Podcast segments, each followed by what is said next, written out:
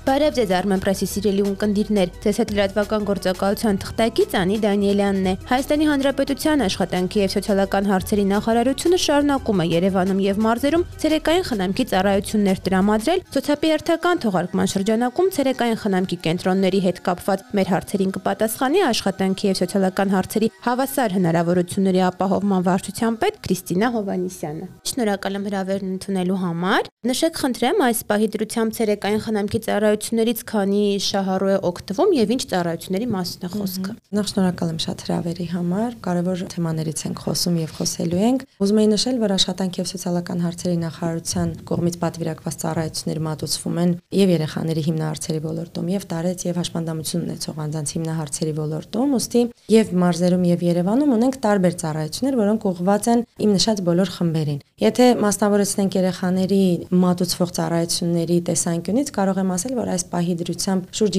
2000 երեխա օգտվում է ցերեկային խնամքի ծառայություններից, ընդ որում եւ պետական կազմակերպությունների կողմից ծառայությունների եւ հասարակական կազմակերպության մեր գործընկերները, ովքեր որ նախարարության ֆինանսավորմամբ են տրամադրում այդ ծառայությունները։ Նույն պատկերը ունենք նաև տարեցների եւ հաշմանդամություն ունեցող անձանց հիմնահարցերի ոլորտում, այսինքն մարզերում եւ Երևանում ունենք տարբեր գործընկերներ, որոնք ծառայություններ են մատուցում իմ նշած բոլոր խմբերի անձանց կարիքի առաջանալու դեպքում։ Ինչ ծառայությունների մասն է խոսքը, մի քիչ մանրամասնեք եւ նաեւ ինչ չափանիշներով են ընտրվում շահառուները։ Եթե անդրադառնանք օրինակ տարեցների եւ հաշմանդամություն ունեցող անձանց, կարող ենք ասել, որ անձինք, ովքեր որ կարիք ունեն ցարեկային խնամքի ծառայություններ ստանալու, նախ եւ առաջ պետք է դիմեն միասնական սոցիալական ծառայության տարածքային կենտրոններ։ Մենք, ինչպես գիտեք, եւ Երևանում եւ մարզերում ունենք նման կենտրոններ, որոնք կոչված են անձի կարիքը գնահատելու եւ ըստ նպատակի եւ ըստ կարիքի ուղղորդելու կամ տրամադրելու ծառայությունը։ Այնպես որ եթե անձը տարեց է եւ կարիք ունի եւ կարծում է, որ կարիք ունի ցերեկային կենտրոնում ծառայություններ ստանալու, առաջին քայլը որ պետք է անի, դիմի միասնական սոցիալական ծառայության տարածքային կենտրոն։ Տարածքային կենտրոնի սոցիալական աշխատողը իհարկե կատարում է համապարփակ գնահատում կարիքի, ըստ այդմ որոշվում է, որ այո, կարող է օգտվել ծառայություններից ցերեկային խնամքի, ընդ որում կարող են տարբեր ծառայությունների կարիք առաջանալ, այդ թվում նաև ցերեկային կենտրոնների ծառայություններից։ Սա առաջին քայլն է, որ տարեց կամ հաշմանդամություն ունեցող անձը պետք է անի ծառայությունից օգտվելու համար։ Լավ, իսկ կան սահմանափակումներ դիմելու հետ կապված լինում է, որ մերժվում են դիմումները։ Վստահորեն կարող եմ ասել, որ ոչ, որովհետև Երևանում եւ մարզերում հիմա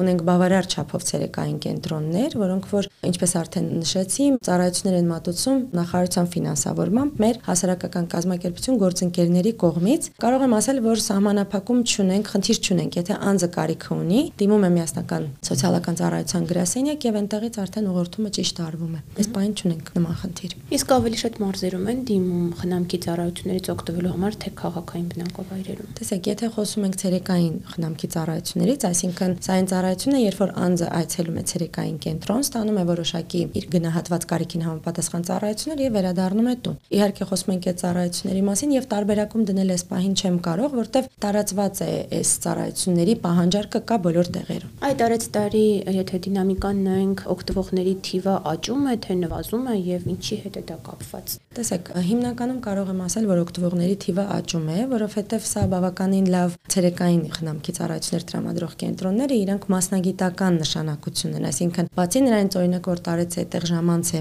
անցկացնում, շփվում է իր հասակակիցների հետ, ինչ որ հարցերով քննարկումների է մասնակցում եւ այլն, այստեղ նաեւ մենք մասնագիտական ծառայություններ ենք մատուցում, այսինքն եթե անձը ունի հոգեբանի կարիք, ինչ որ այլ խորհրդ հաստատվության կարիք, ընտանիքի հետ կապերը ամրապնդելու կամ վերականգնելու կարիք մեր ցերեկային խնամքի ծառայություններ մատուցող կենտրոնները նաև այս հարցերի համար են կոչված։ Եվ տարեց տարի ավելանում է կարիքը, ես սա կկապեի ոչ թե ուղակի, որ անձիկ են ովքեր որ դրա կարիք ունեն, այլ դիմելիությունն է մեծանում։ Մարդիկ տեղեկանում են ավելի շատ եւ իրենց օրը կազմակերպելու ընթացքում նաև դիտարկում են այս հնարավորությունը։ Այ կա ժամանակահատվածի սահմանափակում, օրինակ, որ տվյալ տարեցը, ասենք, ժամանակ կա սահմանափակված դրած, թե ինչքան ժամանակ կարող է օգտվել այս ծառայությունից, թե դա անսահմանափակ ծառայություն։ Չէ, տեսեք, եթե անձը դրա կարիքը ունի եւ գնահատվել է կարիքը, իհարկե, երբ որ դիմում է ցերեկային կենտրոն, ցերեկային կենտրոնի սոցիալական աշխատողը եւս այդ կարիքի գնահատումը անում է համապարփակ, որպեսզի հասկանալի լինի, թե այլ ինչ ծառայությունների կարիք նա ունի։ Եվ որոշվում է թե որքան ժամկետով։ Եթե կարիքը կա 5 ամսով, 6 ամսով, 8 ամսով, 1 տարով, այսինքն դա ելնում է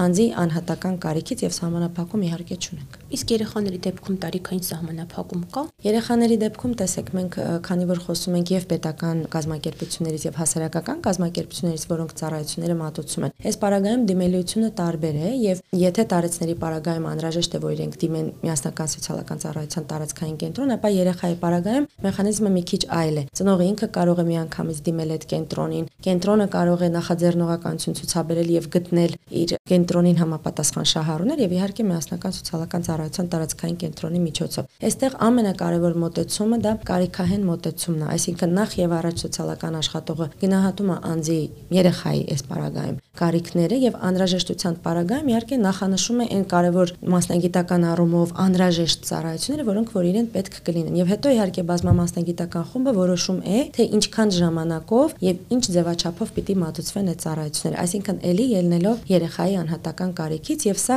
խոսում ենք մինչեւ 18 տարեկան անձանց մասին։ Այն ընտանիքում կարող են մեկից ավելի երեխաներ օրինակ նույն խնամքի ծառայություններից օգտվել։ Միանշանակ կարող են, եթե ընտանիքը եւ երեխաները հայտնվել են կյանքի դժվարին իրավիճակում, այսինքն տարբեր խնդիրներ կարող են լինել։ Բռնության ենթարկված ցավոք սրտի դեպքերը շատ են։ Տարբեր տիպի բռնության ենթարկված երեխաներ, կոնֆլիկտային ընտանիքի երեխաներ, երբ որ խնդիրների մեջ են երեխաները, տեղահանված ընտանիքի երեխաներ, հաշմանդամություն ունեցող երեխաներ, որոնց հաշմանդամությունը օբյեկտիվորեն թույլ չի տալիս հաղթահարել կյանքի դժվարին իրավիճակ, այսինքն այնպես չի, որ եթե մարդը ունի հաշմանդամություն, երեխան ունի հաշմանդամություն, ուրեմն անպայման ունի ինչ-որ ծառայության կարիք։ Սա պետք է միանշանակ տարբերակել։ Այնուամենայնիվ, իհարկե, եթե կարիքը կա եւ եթե ընտանիքը այդ իրավիճակում է եւ երկու երեխային, երեք երեխային եւ այդ ծառայության կարիք ունեն, միանշանակ մատուցվում է այդ ծառայությունը։ Այ խնամքի ծառայությունները ներառում են նաեւ մշակութային միջոցառումների, հանդիպումների, էքսկուրսիաների տարբեր խմբակների կազմակերպում։ Կբացեք փակագծերը։ Եթե տարբերակենք տարեցներին մատուցվող ծառայությունների, երեխաներին մատուցվող ծառայություններից, իհարկե պետք է տարբերակենք, սրանք բնույթով տարբեր ծառայություններ են։ Տարեցների մասին խոսելիս իհարկե կարևոր է իրենց օրը ժամանցը կազմակերպելու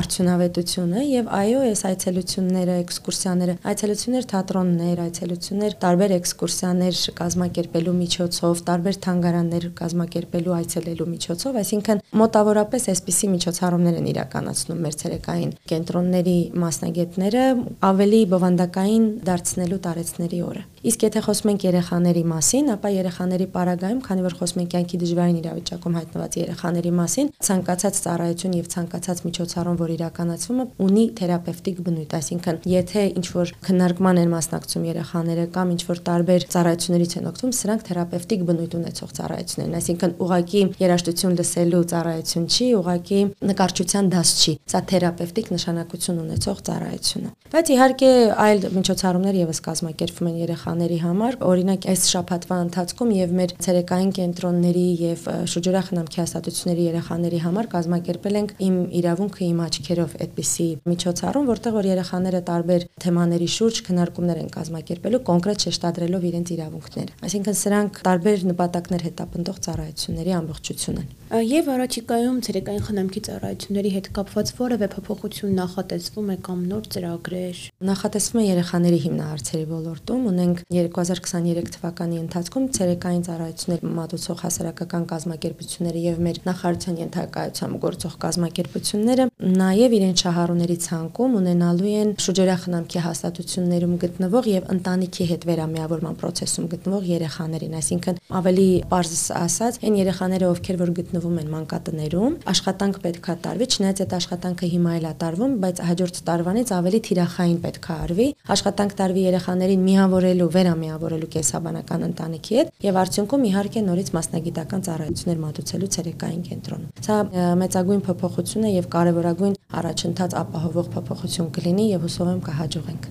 Շնորհակալ եմ շատ հաճելի զրույցի համար։ Ես էլ եմ շատ շնորհակալ, շնորհակալ եմ հրավերի համար։